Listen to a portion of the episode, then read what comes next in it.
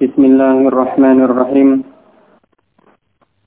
الحمد لله نحمده ونستعينه ونستغفره ونعوذ بالله من شرور أنفسنا وسيئات أعمالنا.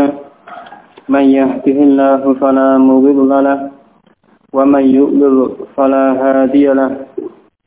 أشهد أن لا إله إلا الله وحده لا شريك له. وأشهد أن محمدا عبده ورسوله صلى الله عليه وعلى آله وسلم أما بعد فإن شاء الله untuk mulai saat ini akan kita pelajari bersama ya, pembahasan tentang tasrif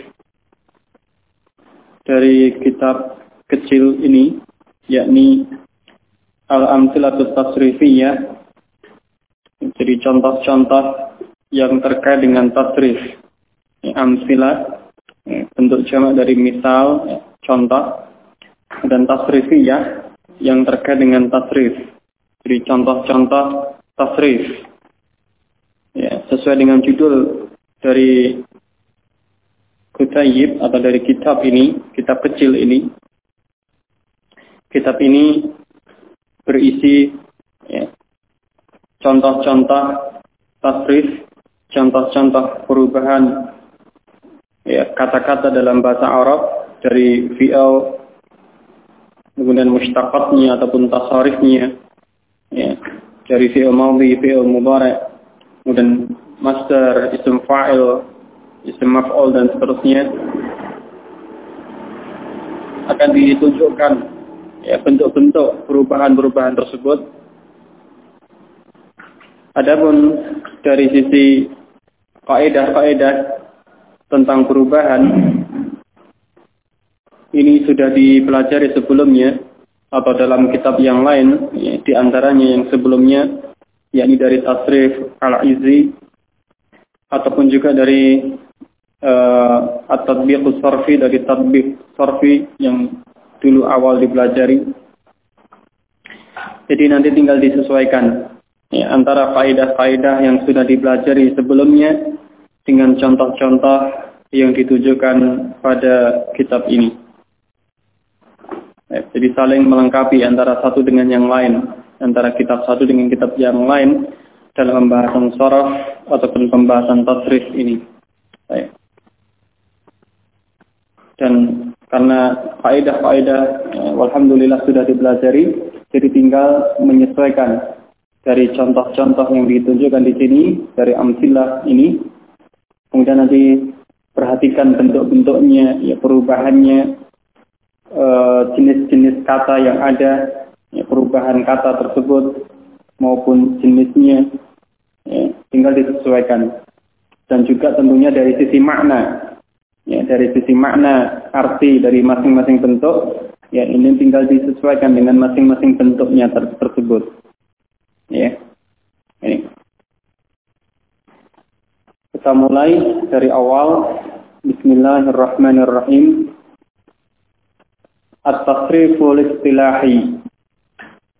Ini jenis tasrif ya, yang disebutkan dalam kitab ini terkait dengan perubahan kata-kata dari fi'al madhi, eh, mudhari, ya, kemudian ada master, isim fa'il, isim maf'ul dan seterusnya. Ini dalam kitab ini disebut dengan istilah tasrif istilahi. Jadi tasrif yaitu perubahan bentuk kata-kata tersebut. Kemudian al-istilahi ya, terkait dengan istilah. Ya, fi'il madhi, fi'il mudhari, isim fa'il ini terkait dengan istilah. Jadi perubahan yang terkait dengan istilah pada kata-kata tersebut. Baik. Nah, perubahan di sini pada tasrif istilahi ditunjukkan dalam kitab ini urutannya dan ini sebagaimana yang sudah dipelajari sebelumnya ya, pada mustaqat ya, pada at-tadbiq sarfi pembahasan mustaqat ataupun juga pada tasrif al-aziz sebelumnya Jadi dimulai dari bentuk yang dasar yakni bentuk fi'il madhi. Walaupun di sana ya wallahu alam ada khilaf, ada perbedaan pendapat di antara ahli bahasa yang menjadi bentuk dasar kata itu apakah fi'il madhi ataukah masdar ya, di situ ada khilaf di antara ahli bahasa Arab ada yang menyatakan bentuk dasar bentuk asal itu adalah fi'il madhi tapi ada pula yang menyatakan bentuk dasar itu adalah masdar. Ya, terlepas dari khilaf tersebut, ya, di sini untuk memudahkan mempelajari, memahami perubahan atau tasrif tersebut, ini dimulai dari bentuk fi'il madhi. Ya. Diperhatikan pada kolom-kolom ini, jadi ditunjukkan dalam bentuk kolom. Ya. Kolom yang paling kanan, yang pertama, sesudah garis vertikal itu ya. Atau sebelumnya, kalau dimulai yang paling kanan sekali, yang paling tepi kanan, sebelah kanan garis atau sebelum garis vertikal, ini adalah nanti apa jenis-jenis PL atau jenis-jenis kata. Ya jenis-jenis kata. Terkait dengan huruf-huruf yang menyusunnya di mana huruf-huruf penyusun atau huruf-huruf hijaiyah ya terbagi menjadi sesuai dengan sifatnya terbagi menjadi dua yaitu huruf sahih dan huruf illah huruf sahih dan huruf illah. Kalau huruf illah ada tiga macam huruf, yakni alif, wawu, dan ya. Maka huruf sahih adalah selain dari ketiga huruf tersebut. Itu huruf sahih. Ya, jadi huruf hamzah, ba, jim, dal, dan seterusnya sampai uh, mim, nun, ha. Ini semuanya adalah huruf yang sahih. Kemudian dari itu kata-kata yang tersusun dari huruf-huruf yang sahih tidak ada huruf illah maka disebut dengan as-sahih disebut dengan kata yang sahih ini kata atau mungkin fi'al ya, yang huruf-huruf penyusunnya adalah huruf-huruf yang sahih tidak ada huruf illah. Ini disebut dengan sahih, ya, as-sahih atau sahih. Nah, pada uh, kemudian uh, sesudah itu ya, pembagian dari secara umum tadi as-sahih di situ tidak ada huruf illah. Kemudian yang ada huruf illahnya disebut dengan al-mu'tal ya, disebut dengan mu'tal. Ini kata-kata yang huruf penyusunnya ada huruf ilahnya. Ya. Salah satu huruf penyusunnya atau di antara huruf penyusunnya ini adalah huruf ilah. Ini disebut dengan mu'tal. Jadi pembagian secara umum ada dua, yaitu sahih dan mu'tal. Kemudian masing-masingnya terbagi lagi menjadi beberapa jenis. Untuk yang sahih, ya ini ada tiga macam. Yang pertama adalah asalim, ya, yakni pada kata-kata tersebut tidak ada huruf ilah, jadi masuk cakupan makna sahih tadi, tidak ada huruf ilah. Kemudian tidak ada huruf hamzah, dan tidak ada huruf yang berulang. Ini pengertian dari salim. Ya, misalnya nasara, kataba, ya, jalasa, ini salim. Ya, tidak ada huruf sahih, tidak ada huruf hamzah atau juga tidak ada huruf yang berulang. Ini. Kemudian jenis yang kedua mudha'af. Ya. Jenis kedua dari sahih adalah mudha'af atau yang lain mengatakan mudha'af dengan idgham pada ain mudha'af. Ada yang mengatakan al-mudha'af, ada yang mengatakan al-mudha'af. Sama maksudnya. Yakni jenis dari kata sahih tersebut ya, tentunya tidak ada huruf ilah tetapi di situ ada huruf yang berulang huruf yang sama ya di antara huruf-huruf yang menyusun ini ada huruf yang sama ada yang berulang ya, kalau pada sulasi yakni pada ain fi'al eh, pada ain kalimah dan pada lam kalimah. Ini mudha'af Contohnya madda qarra ya dalla dhamma. Nah, ini mudha'af ya pada sulasi yakni pada ain dan lam kalimah ini hurufnya sama. Kemudian jenis yang ketiga dari sahih yakni mahmud al mahmud ini kata yang salah satu huruf penyusunnya adalah huruf hamzah. Jadi termasuk yang sahih, ya, tidak ada huruf ilah. Kemudian salah satu huruf yang menyusun ini adalah huruf hamzah. Ya. Misalnya amala atau qara'a ya, membaca ini huruf salah satu hurufnya adalah huruf hamzah. Nah, yang semacam ini disebut dengan mahmud. Dan kemudian mahmud sesuai dengan letak huruf hamzah ini terbagi menjadi tiga. Eh, ada tiga macam mahmud, yakni disesuaikan dengan letak huruf hamzahnya. Kalau huruf hamzah terletak pada fa kalimah, maka disebut dengan mahmud fa. Ya. Sesuai dengan letaknya maka nanti disebut dengan mahmud fa. Ya. Ini. Kemudian kalau hamzah itu terletak pada ain kalimah maka nanti disebut dengan mahmud ain. Al-mahmudu ain. Kemudian kalau huruf hamzah terletak pada lam kalimah maka nanti disebut dengan mahmud lam. Ini jenis mahmud sesuai dengan letak huruf hamzah. Ini jenis-jenis kata pada sahih, yakni salim, mudha'af, dan mahmud.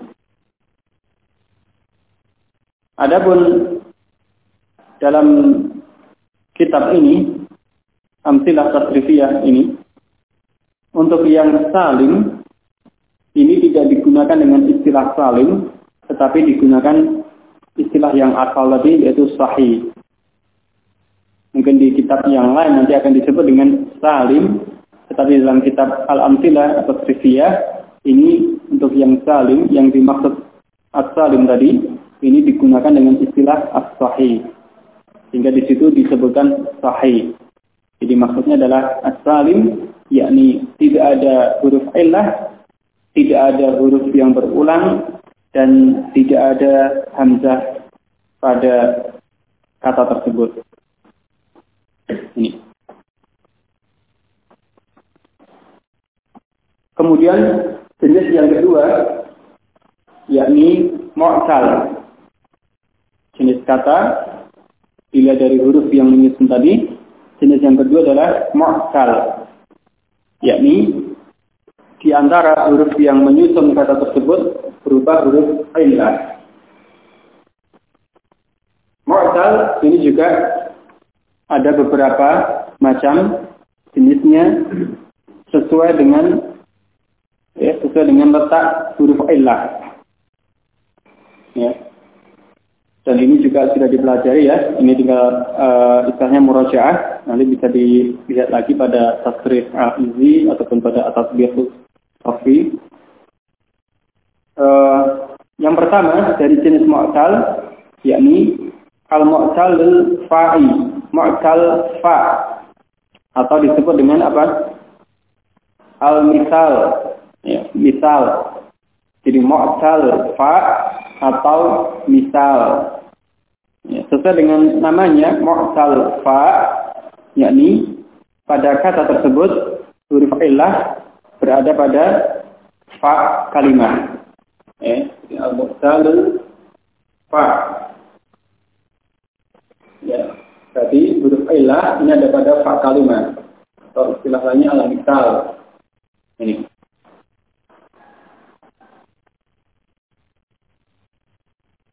Kemudian dari misal ini atau mu'tal fa ini nanti akan terbagi uh, ada dua macam maksudnya. Misal atau mu'tal fa ini ada dua macam sesuai dengan huruf ilah tersebut. Huruf asli dari huruf ilah tersebut. Yakni apakah huruf ilah itu wawu ataukah huruf ilah itu ya. Karena yang menjadi asli pada kata-kata yang ada huruf ilahnya hanya ada dua kemungkinan, wawu atau ya. Kalau ada alif, biasanya alif itu adalah perubahan dari wawu atau perubahan dari ya. Jadi bukan asli, alif. Tetapi alif itu perubahan dari wawu atau dari ya. Sehingga nanti e, dari ini, pada misal ini, akan terbagi atau akan ada dua jenis, dua macam sesuai dengan huruf ilah tersebut. Ya, jadi kalau huruf ilahnya pada fa kalimat itu wawu, maka nanti disebut dengan misal wawi. Al-misalul wawi. Misal dengan wawu. Jadi mu'tal fa, huruf pada fa kalimat adalah huruf wawu. Adapun kalau nanti pada fa kalimah itu hurufnya ya, maka disebut dengan misal ya'i. Al-misalul ya'i.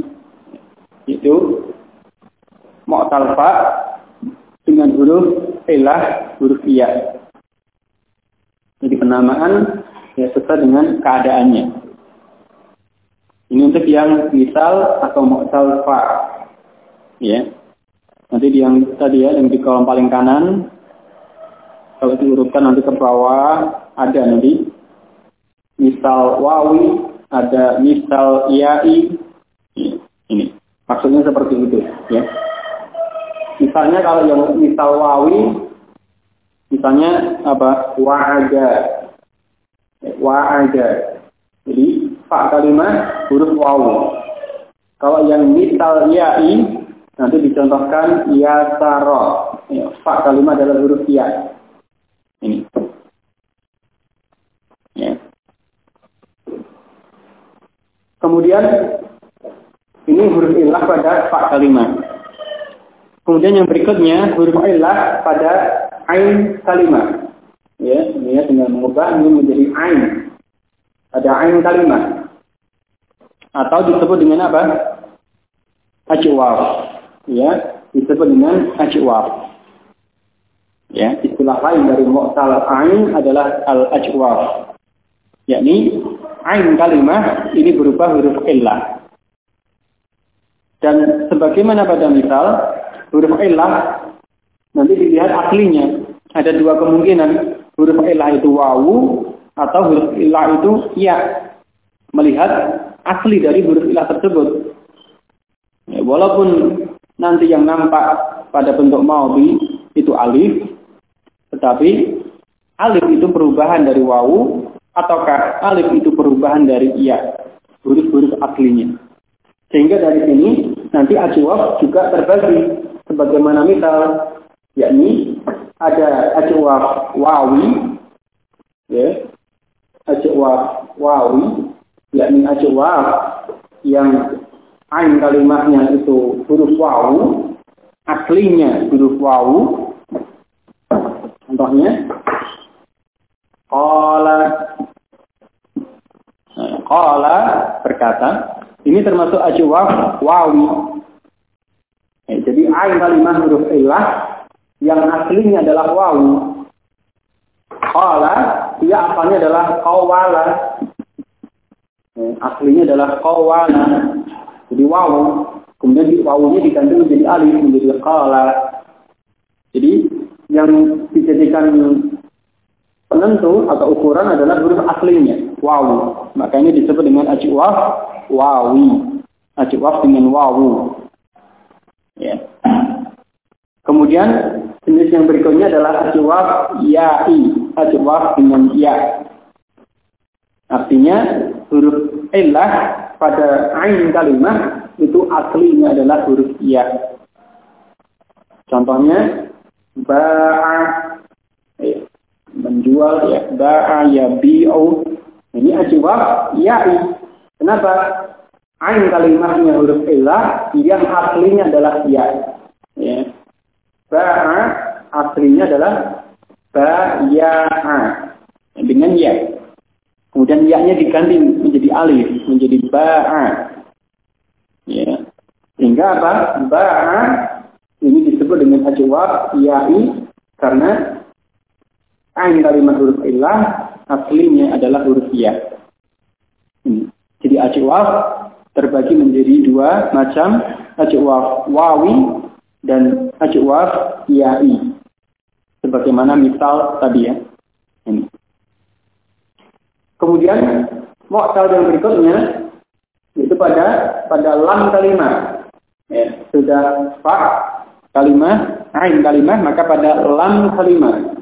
Ya, disebut dengan mu'tal lam. Mu'tal lam, al-mu'tal lami, mu'tal lam. yakni lam kalimah ini berupa huruf ilah. Atau disebut juga dengan apa? An-naqis, an-naqisu atau naqis. Ya, ini. Dan juga ada istilah lain yaitu mu'tal akhir juga bisa biasa juga disebut dengan mu'tal akhir karena karena lam kalimat itu pada akhir kalimat pada akhir kata ini juga bisa biasa dijumpai didapatkan ini disebut dengan mu'tal akhir jadi sama mu'tal akhir atau mu'tal lam atau nafis jadi huruf akhirnya itu pada lam kalimat ini huruf ilah Dan ini bagaimana yang sebelumnya ada dua macam sesuai dengan huruf asli. Huruf ilah yang asli pada lam kalimat tersebut. Yakni ada nafis, wawi, ya, yakni huruf aslinya, huruf ilah yang asli tersebut adalah huruf wawu. Misalnya, roza, ini, roza, ini diakhiri dengan alif. Tetapi alif ini aslinya adalah wawu. Jadi asalnya roza wa. Kemudian wawunya diganti dengan alif menjadi roza. Maka ini disebut dengan nafis wawi. Kemudian jenis yang kedua adalah nafis ya'i. Yakni lam kalimat aslinya adalah huruf ya. Contohnya saro ya di bawah itu nanti disebutkan contohnya ya. Saro yakri ya. Ini asalnya saro ya. Lam kalimah atau huruf akhir adalah huruf ya. Kemudian ya-nya diganti menjadi alif. Alif yang ditulis dalam bentuk ya. Saro. Sehingga yang seperti ini disebut dengan nasib ya'i. Ini jenis mu'tal yang ketiga. Nasib atau mu'talan atau mu'tal akhir. Kemudian jenis yang berikutnya dari mu'tal adalah lafif. Ya, lafif ya. Yakni lafif pada kalimat tersebut pada kata tersebut ada dua huruf ilah. Ya. Ini al-lafif ini itu ada dua huruf ilah. Dan ini ada dua macam. Sesuai dengan letak huruf ilah tadi. Yakni lafif mafruk dan lafif makrun. Kalau mafruk dari kata farqa menjadi mafruk terpisah ya artinya mafruk itu terpisah.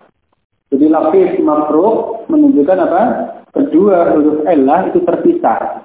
Maksudnya yang satu berada pada fa kalimat yang satunya berada pada lam kalimat jadi terpisah. Misalnya pada contoh kata waqo atau wafa huruf ilah pada fa kalimat dan pada lam kalimat terpisah. Maka yang seperti ini disebut dengan lafif makruh. Ini yang kedua dari lafif adalah lafif makrun. Ya, dari kata corona menjadi makrun yang didekatkan. Ya. Jadi maknanya apa?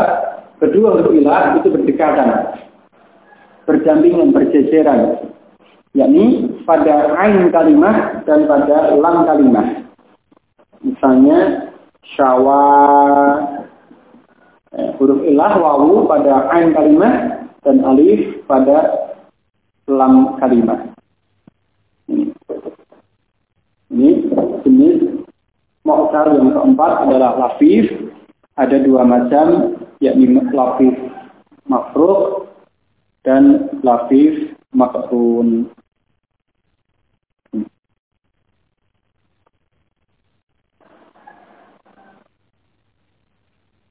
Jadi sebelum dilanjutkan pada kolom-kolom yang berikutnya, ya, yang awal ini jenis-jenis kalimat kata ya, juga untuk merojaah untuk mengulang seperti ini ya. Baik, jadi e, perhatikan, ya, hafalkan dan juga pahami dari ini jenis-jenis kata sesuai dengan huruf yang menyusunnya. Karena dengan ini dengan kita mengetahui jenis-jenisnya ini, jadi dihafalkan istilahnya dan juga di, difahami, dimengerti maknanya, maksudnya. Misalnya tadi sahih itu apa, bagaimana. Kalau mu'tal apa, bagaimana. Kemudian jenis-jenisnya masing-masing juga tadi ya semuanya itu dihafalkan eh, dan juga difahami maknanya. Sehingga nanti dengan adanya ini pembagian jenis-jenis seperti ini ini untuk memudahkan kita ya, membantu kita dalam memahami ya, perubahan-perubahan ataupun tasrif dari satu bentuk ke bentuk yang lain. Karena nanti akan ada perbedaan antara masing-masing jenis tadi ketika diubah. Ya. Baik. Jadi tidak semua apa uh, istilahnya saklek harus mengikuti satu wazan itu, tapi menyesuaikan dengan jenisnya tadi masing-masing. Akan ada penyesuaian sesuai dengan jenisnya tersebut. Nah.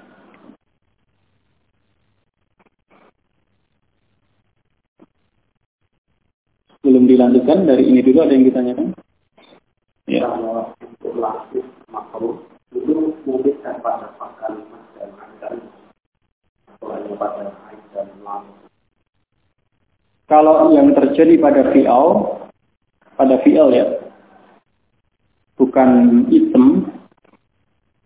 Itu hanya pada ain dan lam kalimat. Ya. Misalnya tadi syawa, kawiya. Jadi untuk yang lafif makrul ini hanya pada ain kalimat dan pada lam kalimat. Ini yang dijumpai pada fi'al. Ya, tidak ada yang huruf ilah itu berada pada fa dan ain kalimat pada fi'al pada fi'al ya. Tetapi kalau pada ism itu ada misalnya pada kata yaumun ini kan ism ya yaumun hari habis itu yaum fa kalimat huruf ya ain kalimat huruf wawu ya. Kemudian mim huruf sahih ya. Ini dijumpai fa kalimah dan ain kalimah berupa huruf ilah dan ini ada hanya pada isim. Dan wallahu alam ini tidak disebut sebagai lafif makrun. Ya apa? Ya seperti itu. Yang wallahu alam ya. Uh, yang di yang kemarin didapatkan tidak disebut sebagai lafif makrun. Jadi lafif makrun itu ketika ain kalimah dan lam kalimah berupa huruf illah. Wallahu a'lam.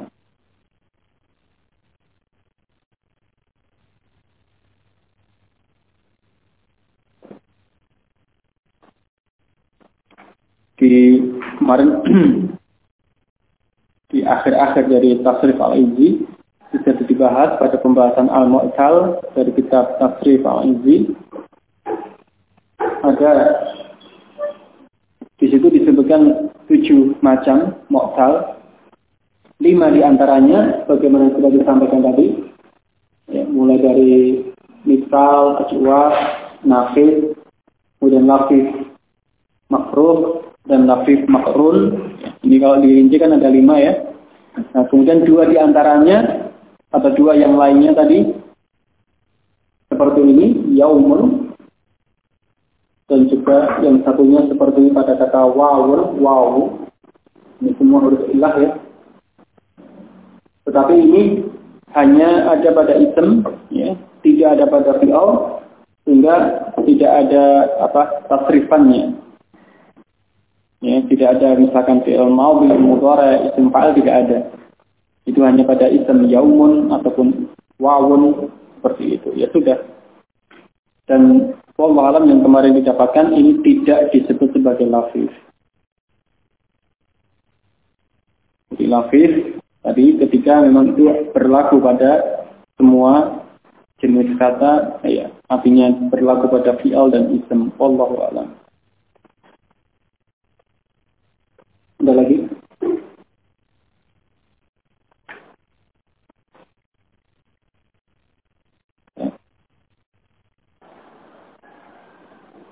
Jadi dalam membaca kolom ya, insya Allah bisa ya membaca kolom disesuaikan antara yang atas dengan yang samping kanan tadi ya.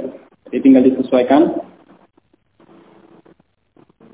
dari apa lajur yang disebutkan di atas dengan yang kanan. Nanti tinggal disesuaikan. Ini ini tadi yang disebutkan dari yang kanan itu dilihat dari jenis-jenis kalimatnya, jenis-jenis kata.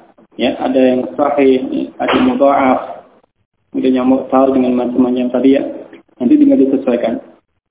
Jadi di situ bisa dilihat yang paling kanan tadi, walaupun tidak disebutkan semuanya semua jenis secara lengkap, ya, tapi dari yang disebutkan yang kolom paling kanan dari istilah-istilah itu insya Allah sudah bisa dipahami.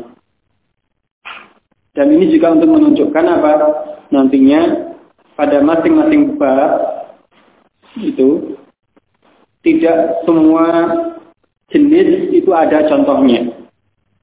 Ya. Jadi pembagian menjadi beberapa jenis tadi itu pembagian secara umum, secara global. Ya. Keumuman semua kata dalam bahasa Arab terbagi menjadi tadi soher mutal dengan masing-masing jenisnya tadi. Ini secara umum. Adapun ketika nanti sudah dimasukkan kepada masing-masing tabnya, masing-masing wazannya, maka apa? Tidak semuanya itu ada pada tiap-tiap bab, tiap-tiap wazan. Ya. Jadi disebutkan disebutkan di sini amsilah, contoh-contoh itu yang ada contohnya, yang ada penggunaannya, yang dijumpai dalam bahasa Arab yang digunakan oleh orang Arab. Ketika ada, maka digunakan, dicontohkan. Kalau tidak ada, ya sudah, tidak usah memaksakan diri. Tidak usah membentuk atau mengarang-arang satu kata sendiri, tidak. Ya. Tidak ada contoh seperti ini, ya sudah, tinggalkan. Ini tidak ada contoh. Kalau ada, gunakan contoh, diterapkan pada yang lain yang semisal dengan contoh ini. Seperti itu ya. Sehingga misalkan ini pada bab awal ya. Pada wazan fa'ala yaqulu. Di situ dari jenis-jenis kata yang disebutkan yang tadi yang paling kanan ya kalau dilihat sahih atau maksudnya salim tadi kemudian mudha'af kemudian ajwar wawi kemudian naqis wawi kemudian fa. Hanya ini tidak semua jenis tadi ada kan? Hanya beberapa saja. Kenapa? Karena memang yang didapati pada bab awal fa'ala yakulu ini yang ada ya hanya ini jenis-jenis kata yang ini saja tidak semuanya ada ya. dan tentunya ini dibuat berdasarkan penelitian jadi yang menyusun kitab ini yang membuat ini sudah meneliti ya, sudah meneliti dari apa berbagai kitab dari yang didapatkan dengan berbagai rujukan yang ada memang didapati hanya ini saja ya sudah. Tidak kemudian nanti mengarang misalkan uh, uh, yang ada tadi ajiwah wawi kemudian mengarang ajiwah yai membuat kata-kata sendiri juga tidak bisa. Ya, karena berdasarkan yang didapatkan dari orang Arab dari bahasa Arab ya sudah adanya ini ya ini. Ini ya. Nah, ya.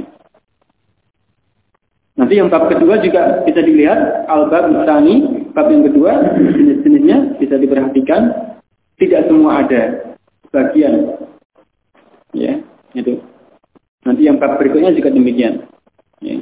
jadi pembagian tadi secara umum adapun ketika nanti dimasukkan diterapkan pada masing-masing bab dari sulasi mujarab ini hanya beberapa saja yang ada pada tiap-tiap bab tersebut.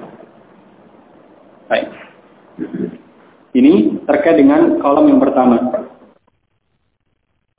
Ya, untuk tadi menyesuaikan dengan contoh-contoh yang berikutnya seperti itu. Kemudian dilihat dari judulnya masing-masing pembagian ini dari tasrif al-istilahi tadi pada tiap-tiap bagian disebutkan masing-masing judulnya al-babu Al-awwalu minat sulatiyil mujarrodi.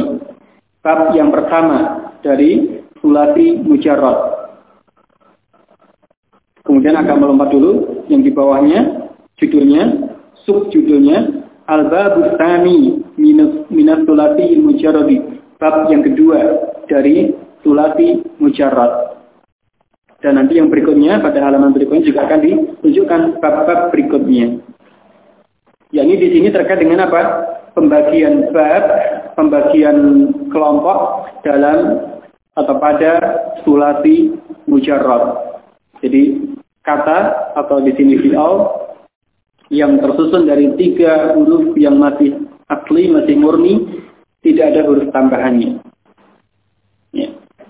Pada wazn ya diwakili digantikan oleh tiga huruf ini yaitu fa, dan lam ya, pada fi'il ya, bagaimana sudah dipelajari sebelumnya di sini tinggal mengulang ya. Yakni untuk bab yang pertama ini maudinya ain kalimatnya di fathah yakni fa'ala. Kemudian mubaraknya ain kalimat dhamma yaqulu ya ini babnya untuk membedakan antara satu dengan yang lain pada sulasi mujarab, pada bentuk mawi dan bentuk mubarak sekaligus kedua-duanya. Jadi tidak hanya mawi saja ataupun tidak hanya mubarak saja, tetapi kedua-duanya mawi dan mubarak kedua-duanya ini untuk menentukan membedakan antara satu kelompok dengan kelompok yang lain, satu bab dengan bab yang lain, satu wazan dengan wazan yang lain. Di situ ditunjukkan ya kalau tadi kolom yang pertama di sini fi'il, kemudian yang sebelah kiri garis vertikal. Yang pertama adalah bentuk fi'il maudi, kemudian yang kedua adalah bentuk fi'il mubarak. Nah, di situ yang paling awal disebutkan wazan dasarnya ataupun yang menjadi apa patokan bab tersebut yakni fa'ala yaqulu. Yang paling awal ya tadi sahih, kemudian ke, ke kiri ya. fa'ala yaf'ulu. Jadi fa'ala itu mawi, yaf'ulu mudhari' ini untuk membedakan tabnya. Harokat pada ain kalimah. Fa'ala yaf'ulu. Ya. Kemudian agak melompat dulu ya. Bab yang kedua, kita lihat dulu untuk membedakan masing-masing babnya ya. Al-babu bab yang kedua, minat sulasi mujarrodi. Ya.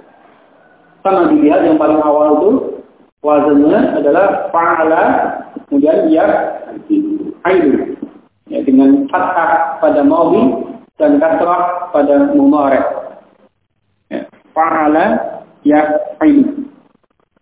Kemudian halaman berikutnya al-babu itu bab yang ketiga minat minat sulasi mujarradi yakni fa'ala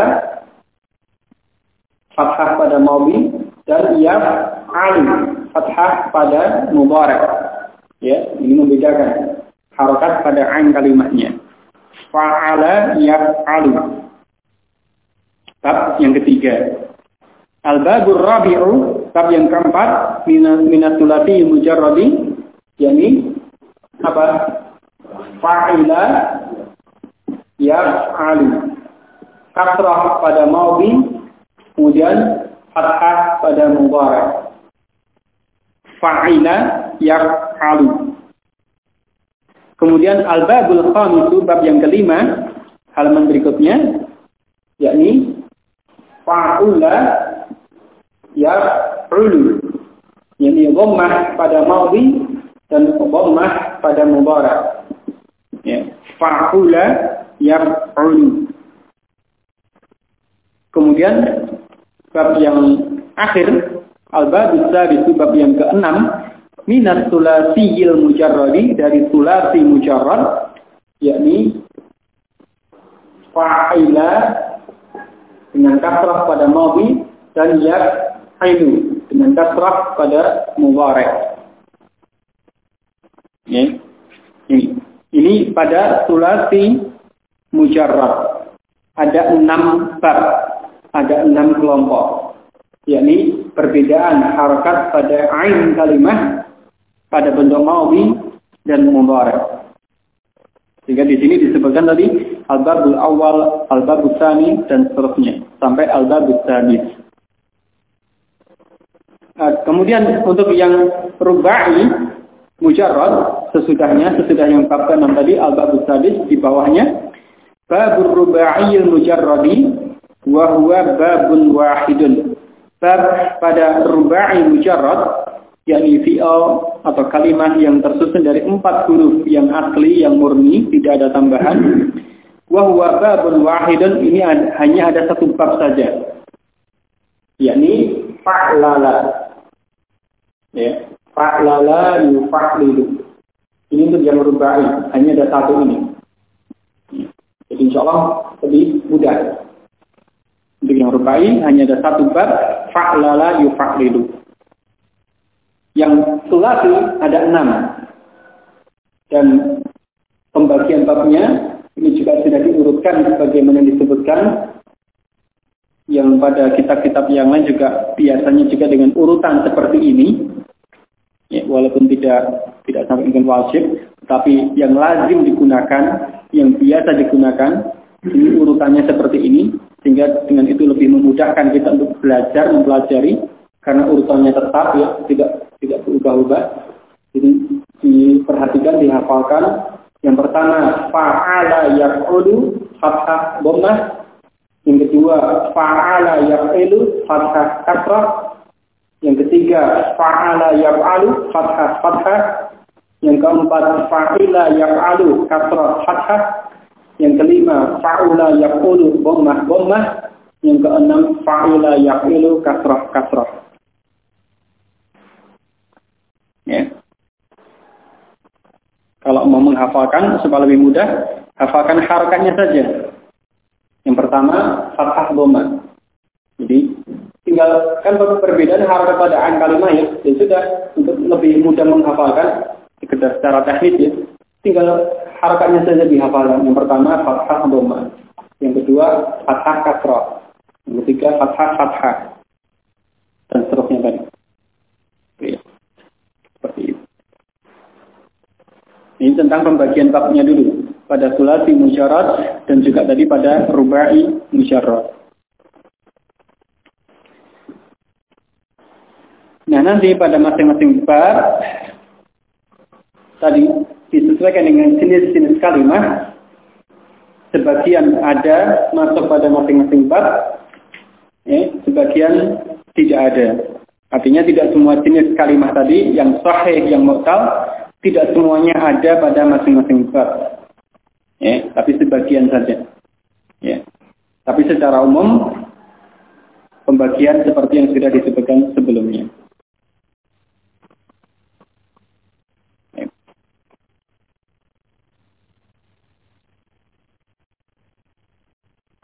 Kemudian berikutnya, ya, pembagian bab sudah. Kemudian sekarang urutan kaum-kaum tersebut tadi sudah disebutkan yang paling kanan sesudah garis vertikal itu ya, sesudah garis tepi adalah bentuk fi'il madhi. Ya, dengan wazannya tadi fa'ala ataupun fa'ila ya sesuai dengan masing-masing babnya ya. Ini urutannya tetap sampai nanti berakhirnya pembahasan ini seperti itu. Jadi yang pertama adalah al-fi'lul. Atau cukup disebut al-madhi ya mau lengkap ya al fi'lul maudi atau cukup al maudi ya fi'il maudi ya, di situ kalau dilihat tadi fa'ala nanti ke bawah nasoro yang dicontohkan di situ ya fa'ala ke bawah nasoro kemudian madda ini yang jenis mudha'af kemudian sona ini yang jenis apa aja wahwawi dan seterusnya ke bawah ini adalah bentuk maudi fi'il maudi. Kemudian di samping berikutnya adalah fi'il mubarak. Al al fi'il mubarak atau al mubarak. Ya. Fi'il mubarak. Ya.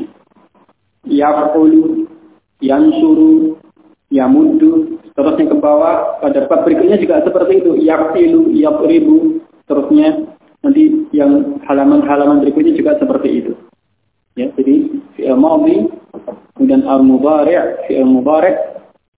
Kemudian yang berikutnya disebutkan contoh fa'lan, nasran, mad dan seterusnya. Ini adalah bentuk masdar. Ya. Al-masdar, masdar. Ya. Fa'lan, nasran, dan yang seterusnya. Dan dalam tasrifan seperti ini, Masdar ini dibaca dengan mansub, yakni dengan tanda fathah pada huruf akhir. Sehingga di situ dibaca fa'lan. Fa'ala yaf'ulu fa'lan.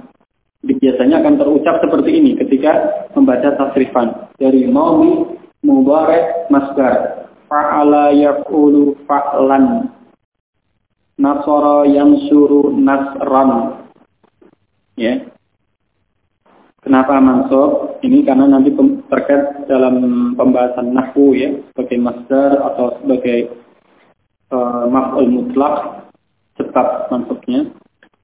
Tetapi ini tidak tidak terlalu penting dalam pembahasan tasrif yang jelas bentuk dasarnya. Kalau di sini disebutkan atau diucapkan dengan mansub tadi fa'lan, tetapi bentuk dasarnya, bentuk masdar itu ya kembali ke gomah adalah fa'lun. Jadi huruf akhir itu tinggal diubah saja. Kalau dalam tasrifan biasanya dibaca dengan fathah fa'lan menyesuaikan dengan fi'il sebelumnya tadi ya fa'ala yaqulu fa'lan.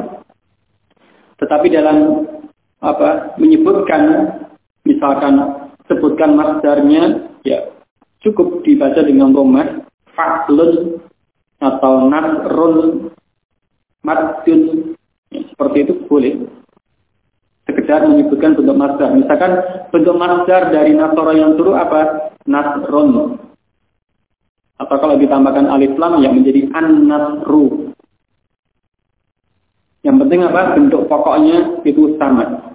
Ya, nasron ya nun nunnya di fathah, sofnya sukun, kemudian ra. Ya, roknya nanti bisa menyesuaikan bisa gomah, bisa fathah sesuai dengan kebutuhannya. Ya. Jadi di sini di fathah untuk memudahkan dalam tasrifan seperti ini. Baik. Kemudian yang berikutnya wa maf'alan. Kalau yang keempat sesudah masdar wa maf'alan. Masdar mimi. Masdar mimi. Jadi bentuk masdar yang diawali dengan huruf mim. Jadi masdar, tetapi dia diawali dengan huruf mim. Ini. Artinya sama dengan masdar, hanya saja lafaznya yang berbeda. Masdar mimi, ini masdar yang diawali dengan huruf mim. Ini wa alan, ya, mengikuti wazan mengikuti bentuk maf'alan atau maf'alun. Ya. Sebagaimana masdar dalam urutan tasrif dibaca mansub atau dengan fathah, masdar mimi juga dibaca mansub dengan fathah, maf'alan. Tetapi dalam penyebutan di luar ini boleh ya, disebut dengan bomah, misalkan maf'alun, mansorun, seperti itu.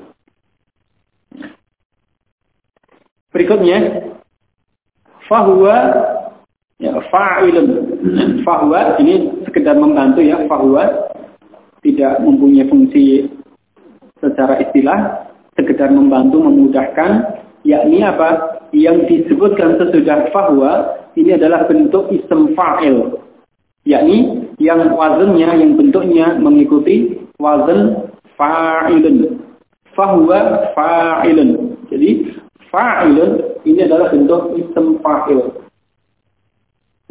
Ism fa'il. Bukan fa'il, berbeda ya. Antara fa'il dengan ism fa'il ini berbeda. Jadi fa'ilun ini adalah bentuk ism fa'il, ismul fa'ili, ism fa'il. Dan tadi dalam tasrifan dibantu dengan kata fahuwa. Sekedar membantu. Dan dalam penggunaan tentunya tidak harus disertai dengan fahuwa. Ini sekedar membantu saja adanya fahuwa ini untuk menunjukkan bahwasanya fa'ilun ini adalah bentuk isim fa'il. Ya, pada sulasi mujarad mengikuti wazan fa'ilun. Ya, tadi dari nasara sebagai contoh awal ya, ya isim fa'ilnya menjadi nasirun. Ya. Kemudian yang berikutnya wazaka maf'ulun. Ini juga ada tambahan.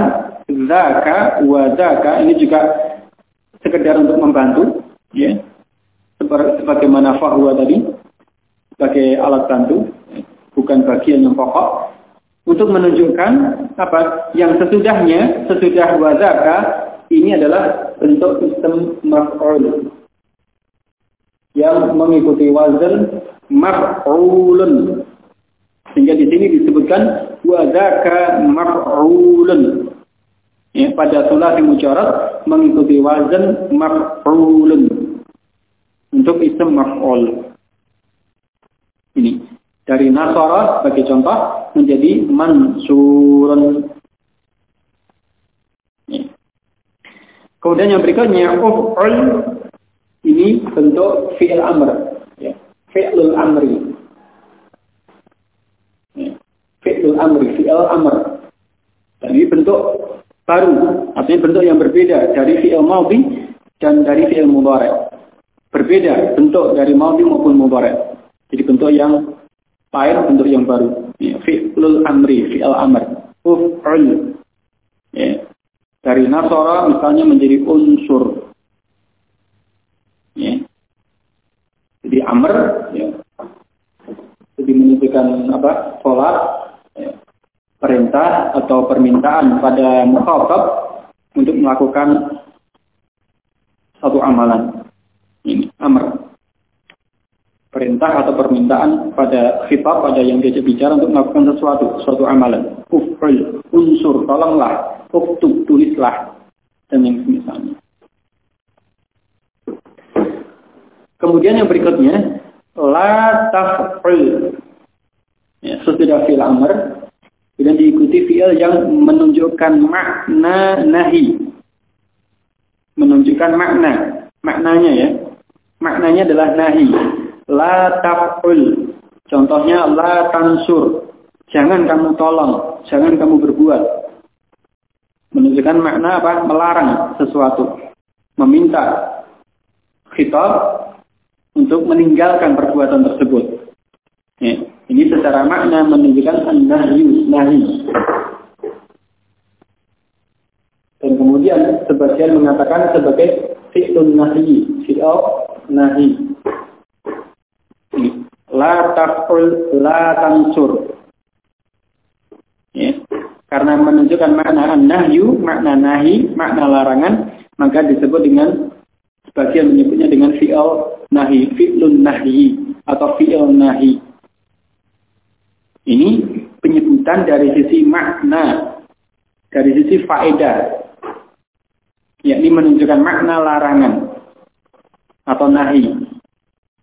Adapun dari sisi bentuk, ini adalah bentuk mudharek. Jadi tidak mengadakan bentuk yang baru. Kalau fi'il amr tadi, itu bentuk yang baru. Bukan bentuk mudhari apalagi maudi, bukan. Itu bentuk yang baru. Berbeda dengan bentuk mudhari ataupun maudi. Itu pada fi'il amr. Adapun fi'il nahi yang menunjukkan makna nahi, ini bentuknya adalah bentuk fi'il mudhari yang didahului oleh la an-nahiyah. Sehingga bentuknya tetap bentuk mudhari, tidak mengadakan atau tidak membuat bentuk yang baru, tetapi bentuk fi'il mudhari' yang didahului oleh la an-nahiyah.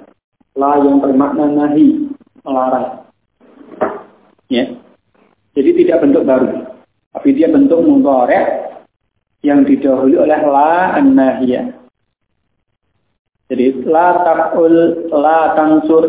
Ya, dari mudhari'nya tadi yaqulu, yansuru. Ya, kalau yaqulu, yansuru kan untuk ghaib untuk ghaibah. Dia berbuat, dia menolong. Kemudian kalau untuk khitab, untuk orang kedua, huruf mudoroah diganti dengan tak. Taf'ulu, engkau berbuat, tansuru, engkau menolong. Kemudian didahului la an-nahiyah. Menjadi la taf'ul, jangan kamu berbuat. La tansur, jangan kamu menolong. Seperti itu. Sehingga di sini bukan bentuk baru, tetapi ini bentuk mudhari' yang didahului oleh la an-nahiyah untuk menunjukkan makna nahi.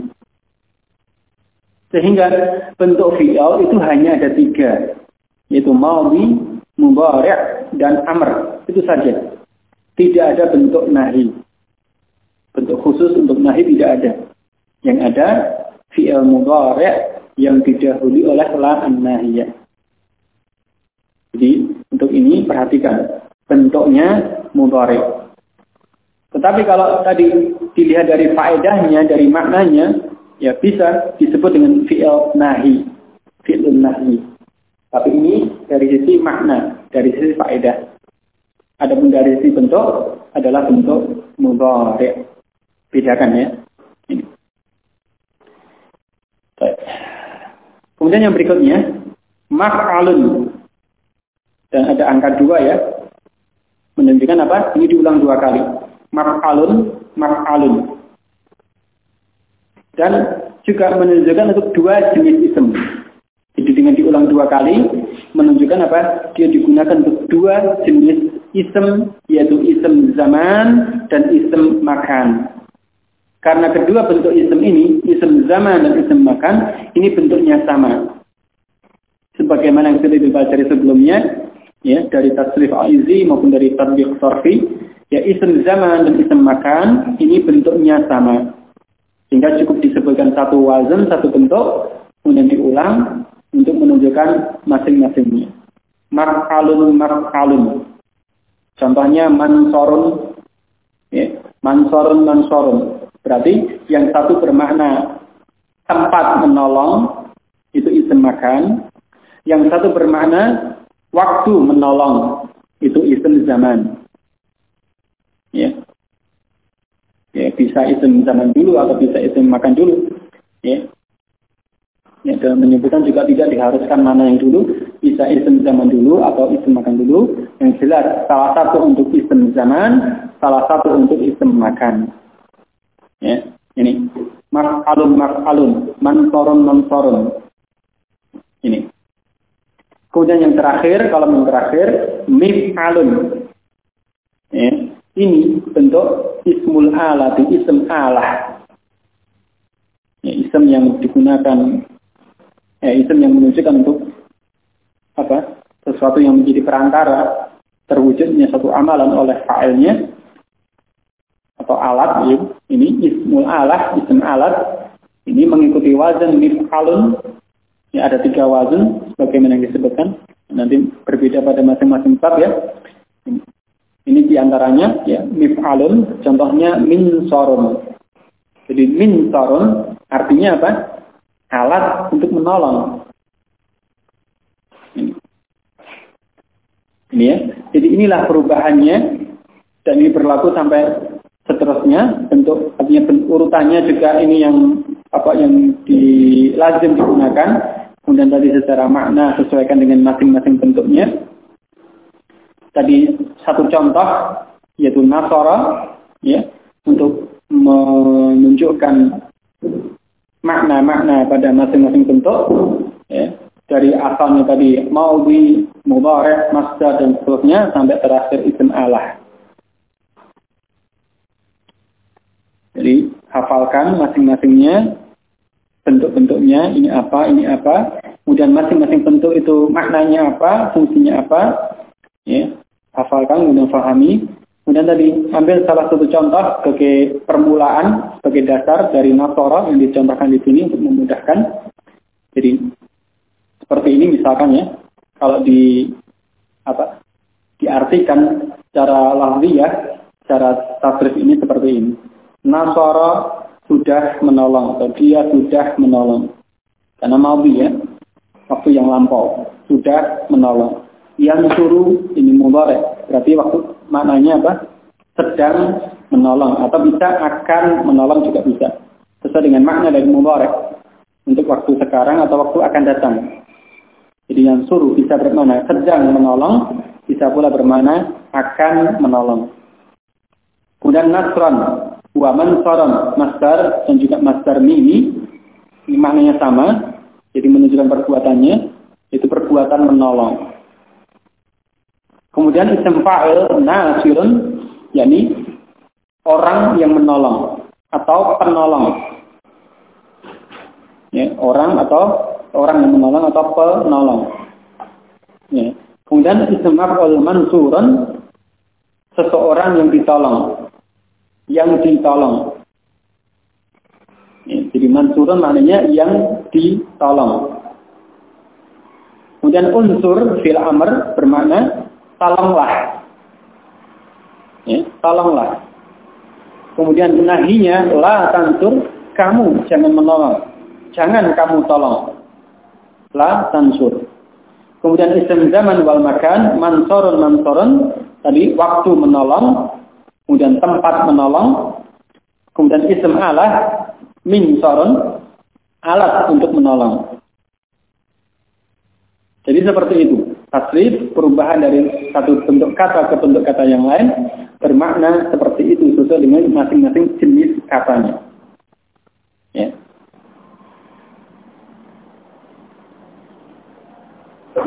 Jadi, pahami, ya, pelajari tadi pahami masing-masing bentuk sesuai dengan maknanya. Kemudian dari contoh nasara tadi untuk memudahkan memahami bentuk-bentuknya dulu. Perbuatan menolong. Ya bisa bermana bertolong, mana menolong. Ya menolong gitu. Yang ini sama. Sama. Yang master ini itu sama artinya dengan master. Hanya berbeda lafaz tetapi maknanya sama.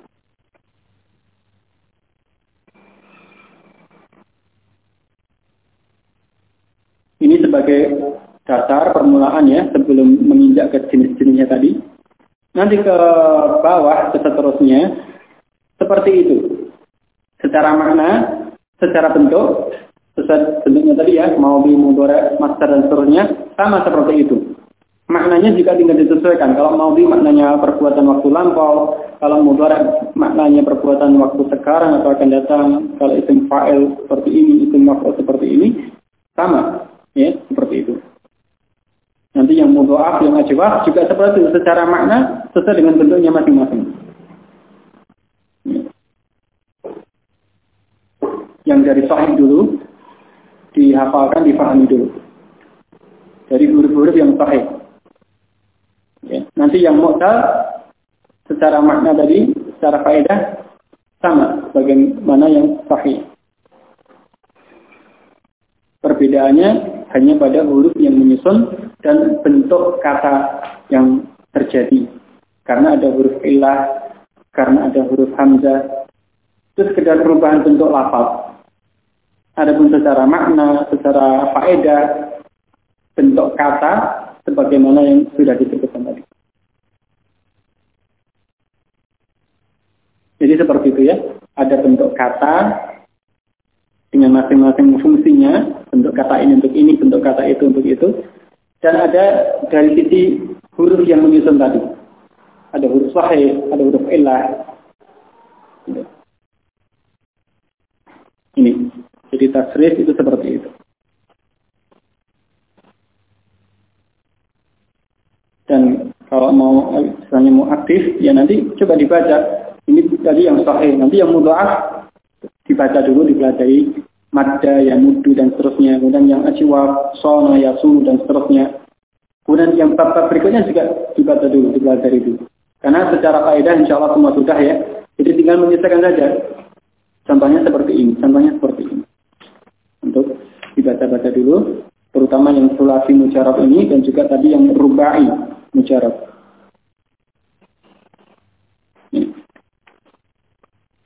Ada yang ditanyakan?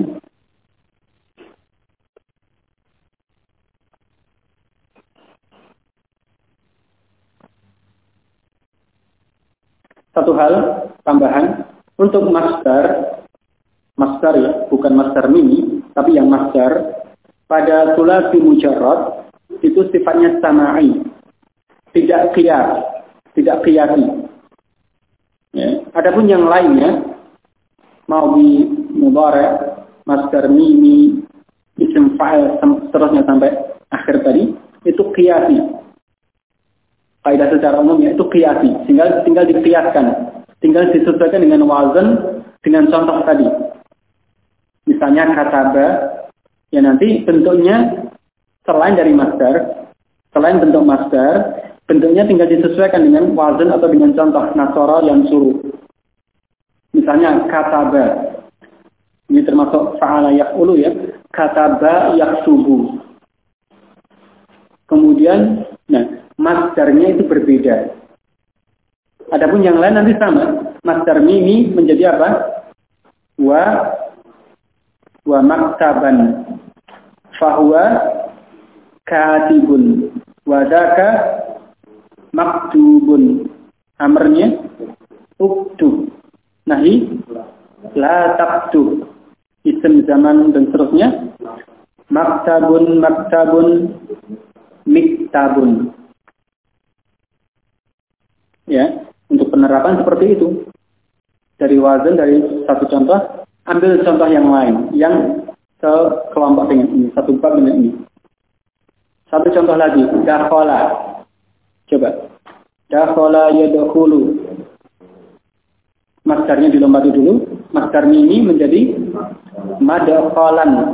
Fahuwa dakhilun. Wa dzaka madkhulun.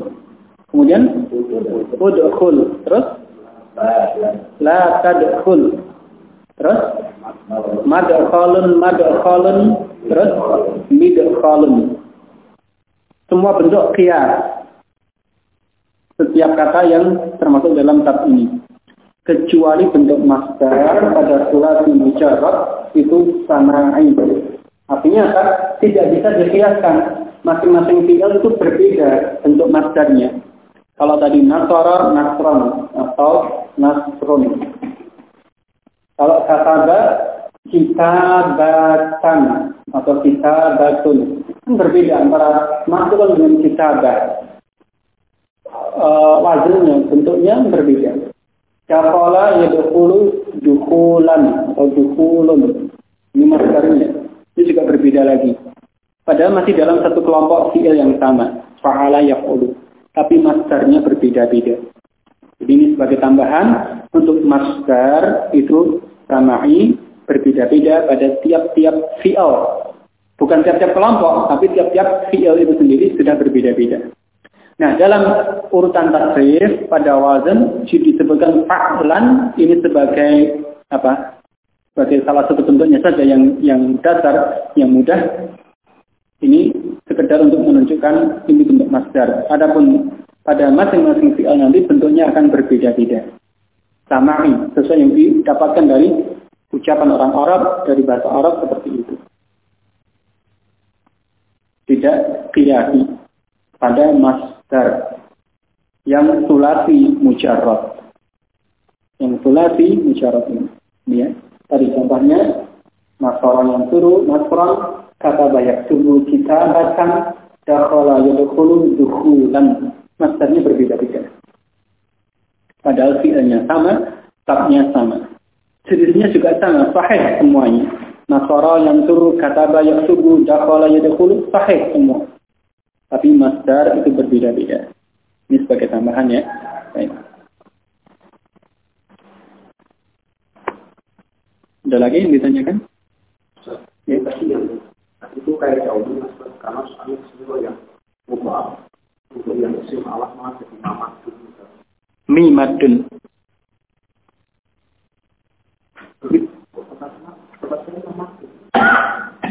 Mimadun dengan kasroh. Kalau isim Allah itu mimnya di kasroh. Itu salah cedaknya mimadun. Mimadun ya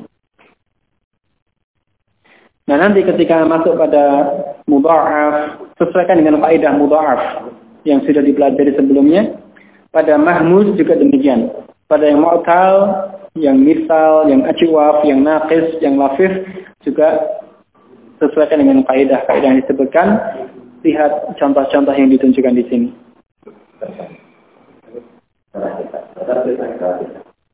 Oh, semalah dulu.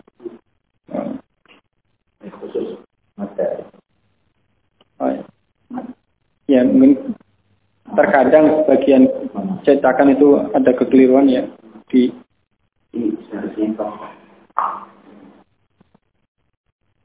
yang berulang mamadun itu fathah. Dan yang sesudahnya mimadun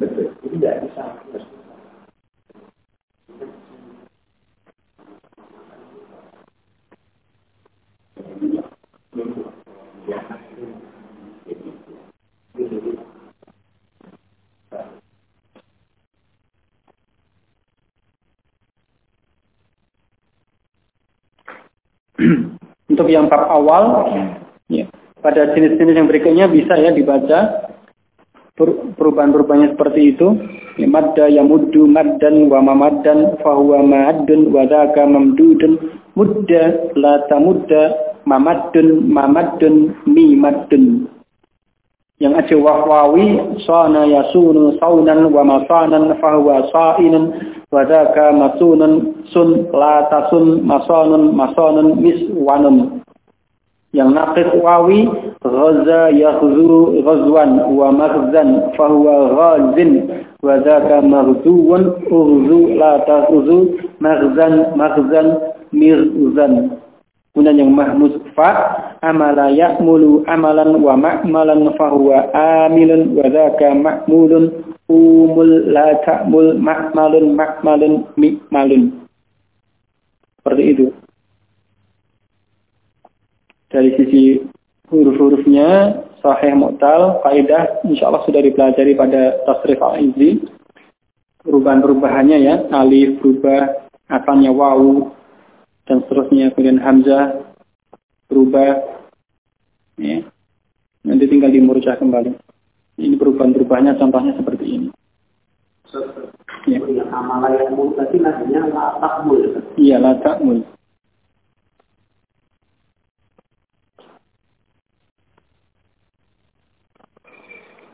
coba yang bab awal ini ya dari terutama yang mudha'af, yang mahmud dan yang mu'tal perubahannya seperti itu dari maudi, mudhari dan seterusnya sesuaikan dengan apa yang sudah dipelajari dari tasrif al-izi, kaidah-kaidah ada di sana.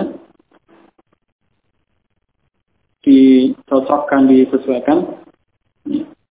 Mungkin nanti kalau masih ada yang perlu ditanyakan bisa disampaikan seperti itu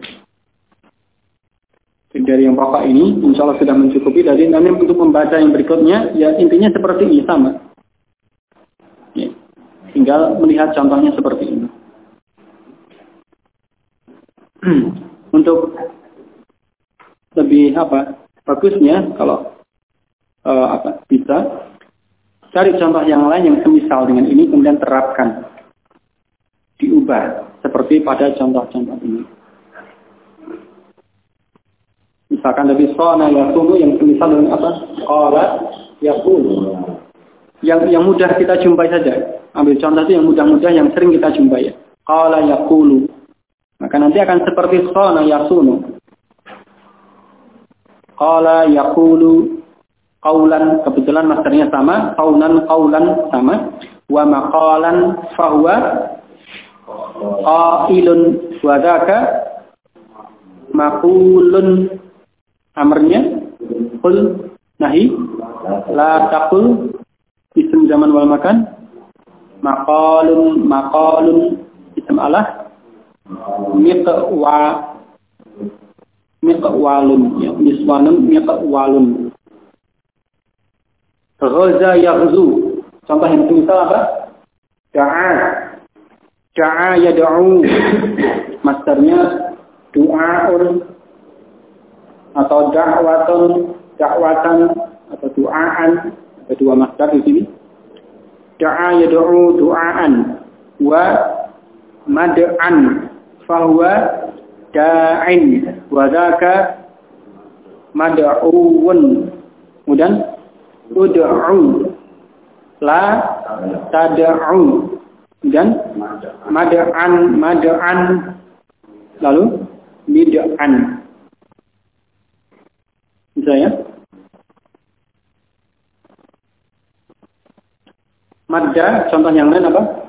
Zanna. Zanna ya zunnu. Madda ya muddu. Zanna ya zunnu. Masdarnya zannan. Sama ini, maddan zannan.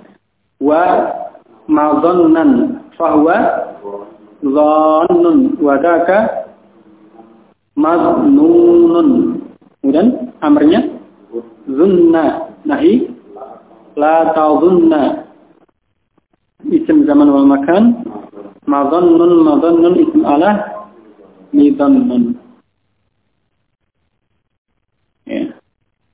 amala ya'mulu akala ya'kulu aklan masdarnya aklan wa makalan fahuwa akilun wa dhaka makulun Eh, amarnya untuk akala menjadi kul.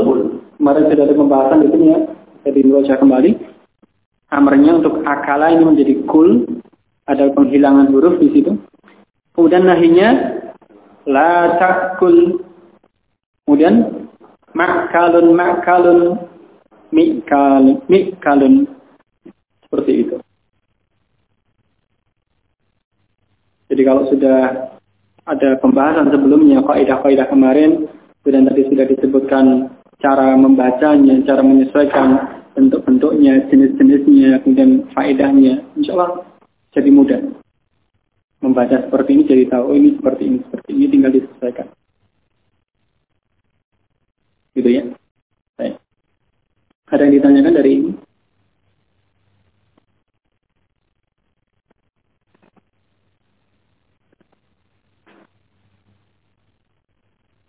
Ya nanti yang part berikutnya dibaca, ya dipelajari. Tadi kalau bisa cari contoh yang lain, semisal kemudian terapkan.